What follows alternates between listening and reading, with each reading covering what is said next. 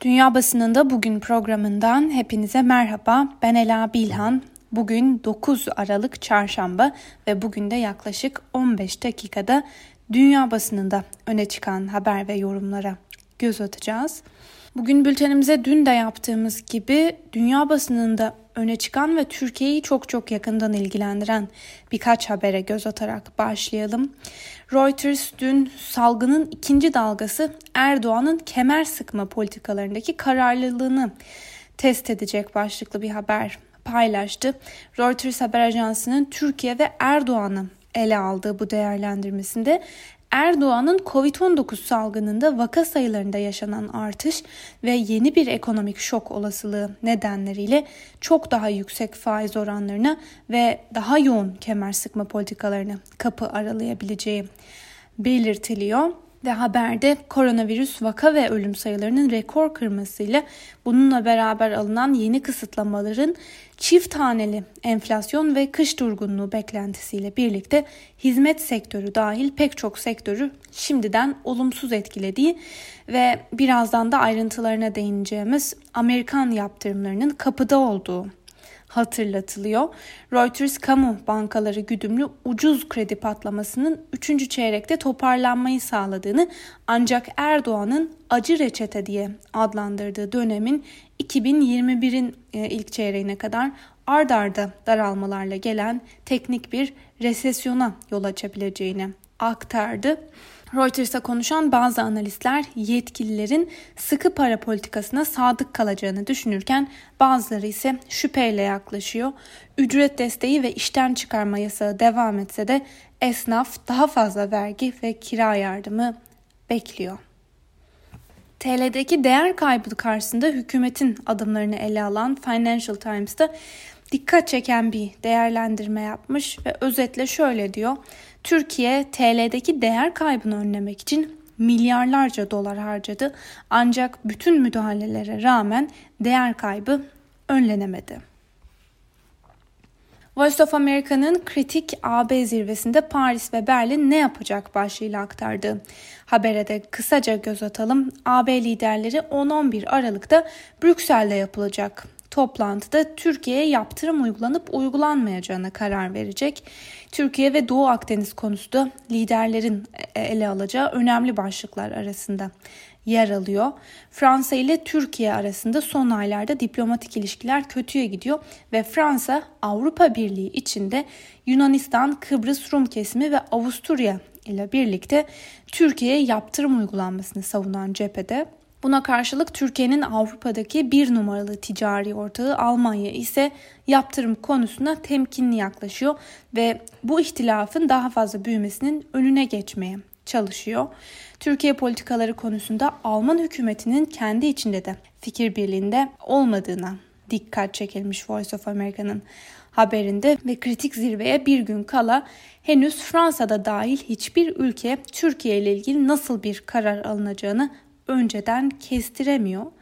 Bu da yarın yapılacak, yarın başlayacak olan liderler zirvesinde sonucu tartışmaların belirleyeceğini gösteriyor.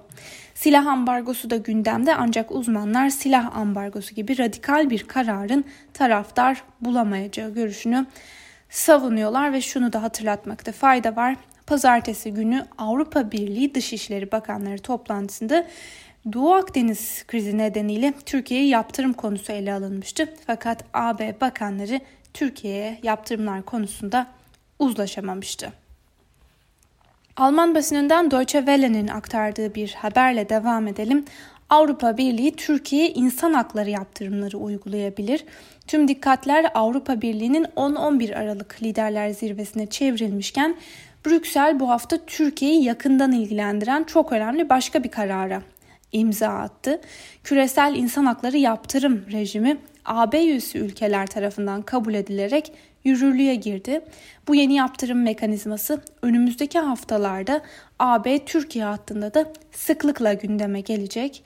Avrupa Birliği'nin yeni yaptırım rejiminin Türkiye için neden kritik önem taşıdığının ilk işaretini Lüksemburg Dışişleri Bakanı Jean Asselborn verdi.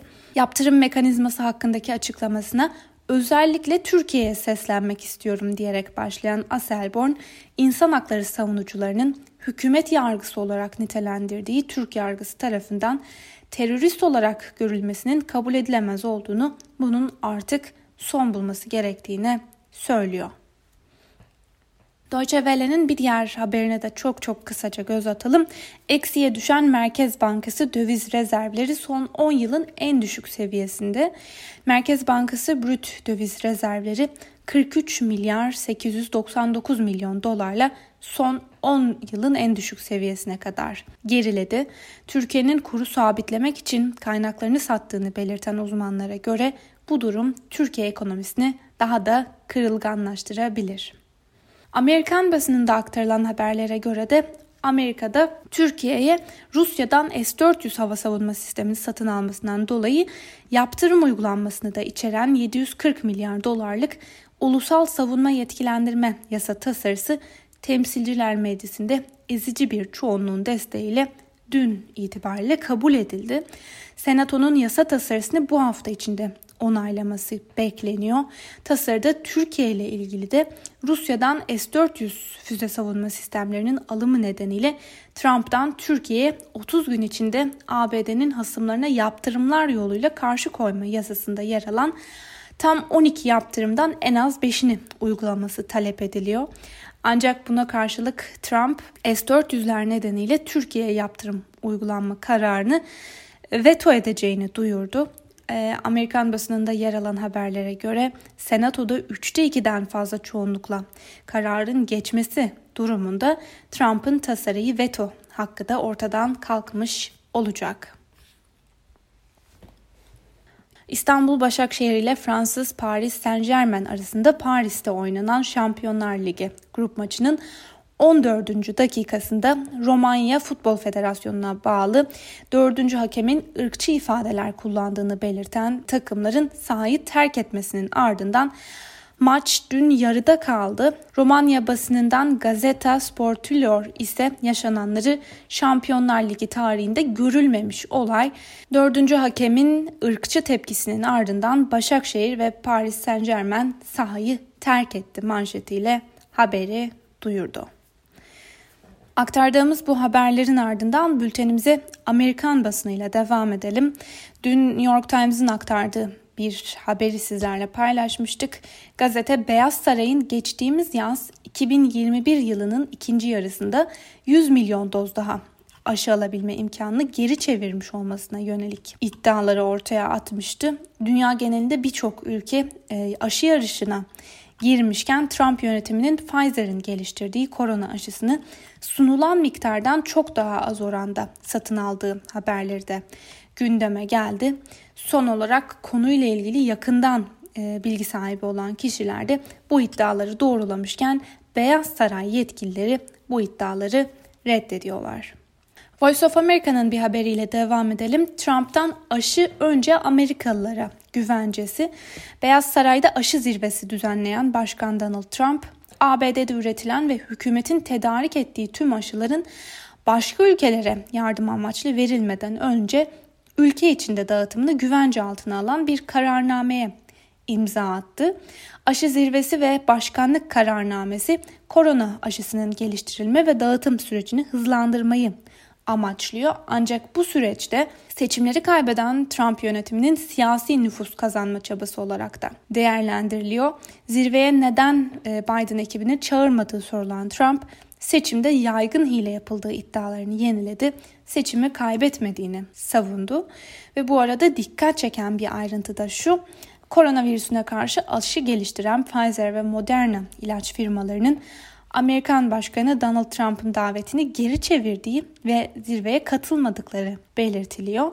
Konuyla ilgili kaynaklara göre ilaç firmalarının red gerekçesi aşı sürecinin siyasete alet edilmesi ve kamunun güveninin sarsılabileceği endişesi. Öbür taraftan seçilmiş başkan Joe Biden da koronavirüsü salgınıyla mücadele ekibini tanıttı. Biden, Amerika'nın en yetkili enfeksiyon hastalıkları uzmanı Dr. Anthony Fauci'nin baş tıbbi danışman olarak COVID-19 ekibinde yer alacağını açıkladı. Delaware eyaletinde konuşan Biden başkanlığının ilk 100 gününde 100 milyon aşı tedarik etme sözü verdi ve Biden bununla birlikte aşının ABD'nin her noktasına dağıtılabilmesi için kongrenin tam ödenek desteğine gerek duyulacağını da belirtti. New York Times gazetesinin analizlerinden birinde Joe Biden ve Trump'ın aşı ile ilgili söylemlerine odaklanılmış. Buna göre Biden aşının umut vaat ettiğini ancak öncesinde karanlık ve sert bir kış sürecinden geçileceğine dikkat çekerken Trump ise bir anda aşılardan bir tıp mucizesi olarak söz etmeye başladı. Özellikle aşı söylemlerinde büyük farklar olduğuna dikkat çekiliyor. Benzer bir şekilde Washington Post gazetesinden David Nakamura da bu konudaki analizinde şöyle yazmış. Trump ve Biden süren mücadelelerinde salgın ve aşılarla ilgili birbirinden tamamen zıt mesajlar veriyorlar. İngiltere gündemiyle devam edelim. İngiltere'de halka aşı yapılmaya başlandı ve böylece Pfizer'in aşısına dünyada ilk kullanım onayını veren ülke olan İngiltere dün itibariyle resmi olarak halkı aşılamaya başlamış oldu. İngiltere Pfizer ve BioNTech'in aşısından toplam 40 milyon doz sipariş etti. Bu da 20 milyon kişiye bu aşının yapılması anlamına geliyor. İlk hafta yaşlı bakım evlerinde kalanlar ve sağlık personeli öncelikli olmak üzere ülkede 800 bin kişiye ilk etapta aşı yapılması bekleniyor. İngiliz BBC'nin haberine göre hükümet ülkede hayatın normale dönmesinin Nisan ayını bulabileceğini söylüyor. BBC'ye konuşan hükümet kaynakları yıl sonuna kadar toplam 4 milyon dozun teslim edileceğini belirtti ve kalan dozların ise 2021 başında gelmesi bekleniyor. Pfizer-BioNTech aşısı ilk dozun yapılmasının ardından 12. günden itibaren bağışıklık oluşturmaya başlıyor. İlk dozdan 21 gün sonra ise ikinci dozun yapılması ve 28. günde de tam bağışıklığın oluşması öngörülüyor. İngiltere'nin önemli bir diğer gündemi de dün de üzerinde durduğumuz Brexit süreci. Guardian'ın haberine göre 31 Aralık'ta anlaşmaya varmak için gerekli süre doluyor ve böylece yapılan görüşmelerde son düzlüğe de gelinmiş oldu. Britanya Başbakanı Boris Johnson dün akşam Brüksel'e gitti. İngiliz hükümet kaynakları görüşmelerde herhangi bir ilerleme kaydedilemediğini söylerken uzmanlar anlaşmasız sonlanacak görüşmelerin ekonomik bir yıkıma neden olabileceği görüşünü savunuyorlar ve Independent'ın haberine göre de 3 hafta kala yapılan bu son Brüksel ziyareti Brüksel tarafından da anlaşmada son bir şans olarak değerlendiriliyor. The Guardian'ın gündemindeki bir diğer haberde Hindistan ve artan vaka sayıları aktarılan bir haberde Hindistan'ın yakın tarihinin en ciddi e, sorunlarından biriyle karşı karşıya olduğu belirtilmiş. 1.3 milyar nüfusa sahip Hindistan artan vaka sayıları karşısında şimdi de tüm nüfusun nasıl aşılanacağını hesaplamaya çalışıyor. Guardian'a göre dünyanın en geniş kapsamlı veya detaylandırılmış aşılama şeması hazırlanmış olsa bile bu ölçekte yapılacak bir aşılama operasyonu birçok sorunu ve tehlikeyi de beraberinde getirecektir. Alman basınından Deutsche Welle'nin haberine göre Almanya'da yürürlükteki kısmi kapanma önlemlerine rağmen koronavirüs vakalarının sayısında gözle görülür bir düşüş meydana gelmemesi nedeniyle alınan önlemlerin sıkılaştırılması çağrıları artıyor. Alman uzmanlar da kontrol altında alınamayan vaka sayıları karşısında tam kapanmayı talep ediyorlar. Fransa'nın da önemli gündemlerinden biri alınan önlemlere rağmen hızla artan Covid-19 vakaları. Fransız basınından Le Figaro gazetesinin haberine göre Fransa'da vaka sayıları yetkililerin beklentisi doğrultusunda azalmadı. Günlük yaklaşık 10 bin vakanın tespit edildiği Fransa'da Noel öncesinde kısıtlamaların aşamalı olarak hafifletilmesi öngörülüyordu. Ancak şu anki tabloda uzmanlar bunu önermedikleri gibi hükümetin böyle bir karar almasını da beklemiyorlar. Gazeteye göre hükümetin bu hafta bu konuda bir açıklama yapması da muhtemel. İsrail basınından Yerusalem Post'un haberine göre Pfizer şirketiyle anlaşan İsrail hükümeti de geniş kapsamlı bir aşılama operasyonuna hazırlanıyor. Bugün itibariyle en az 110 milyon doz aşının İsrail'e ulaşması bekleniyor. Hastanelerde hazırlıklarını sürdürürken iki haftadan az bir süre içerisinde kitlesel aşılamanın başlatılması da hedefleniyor.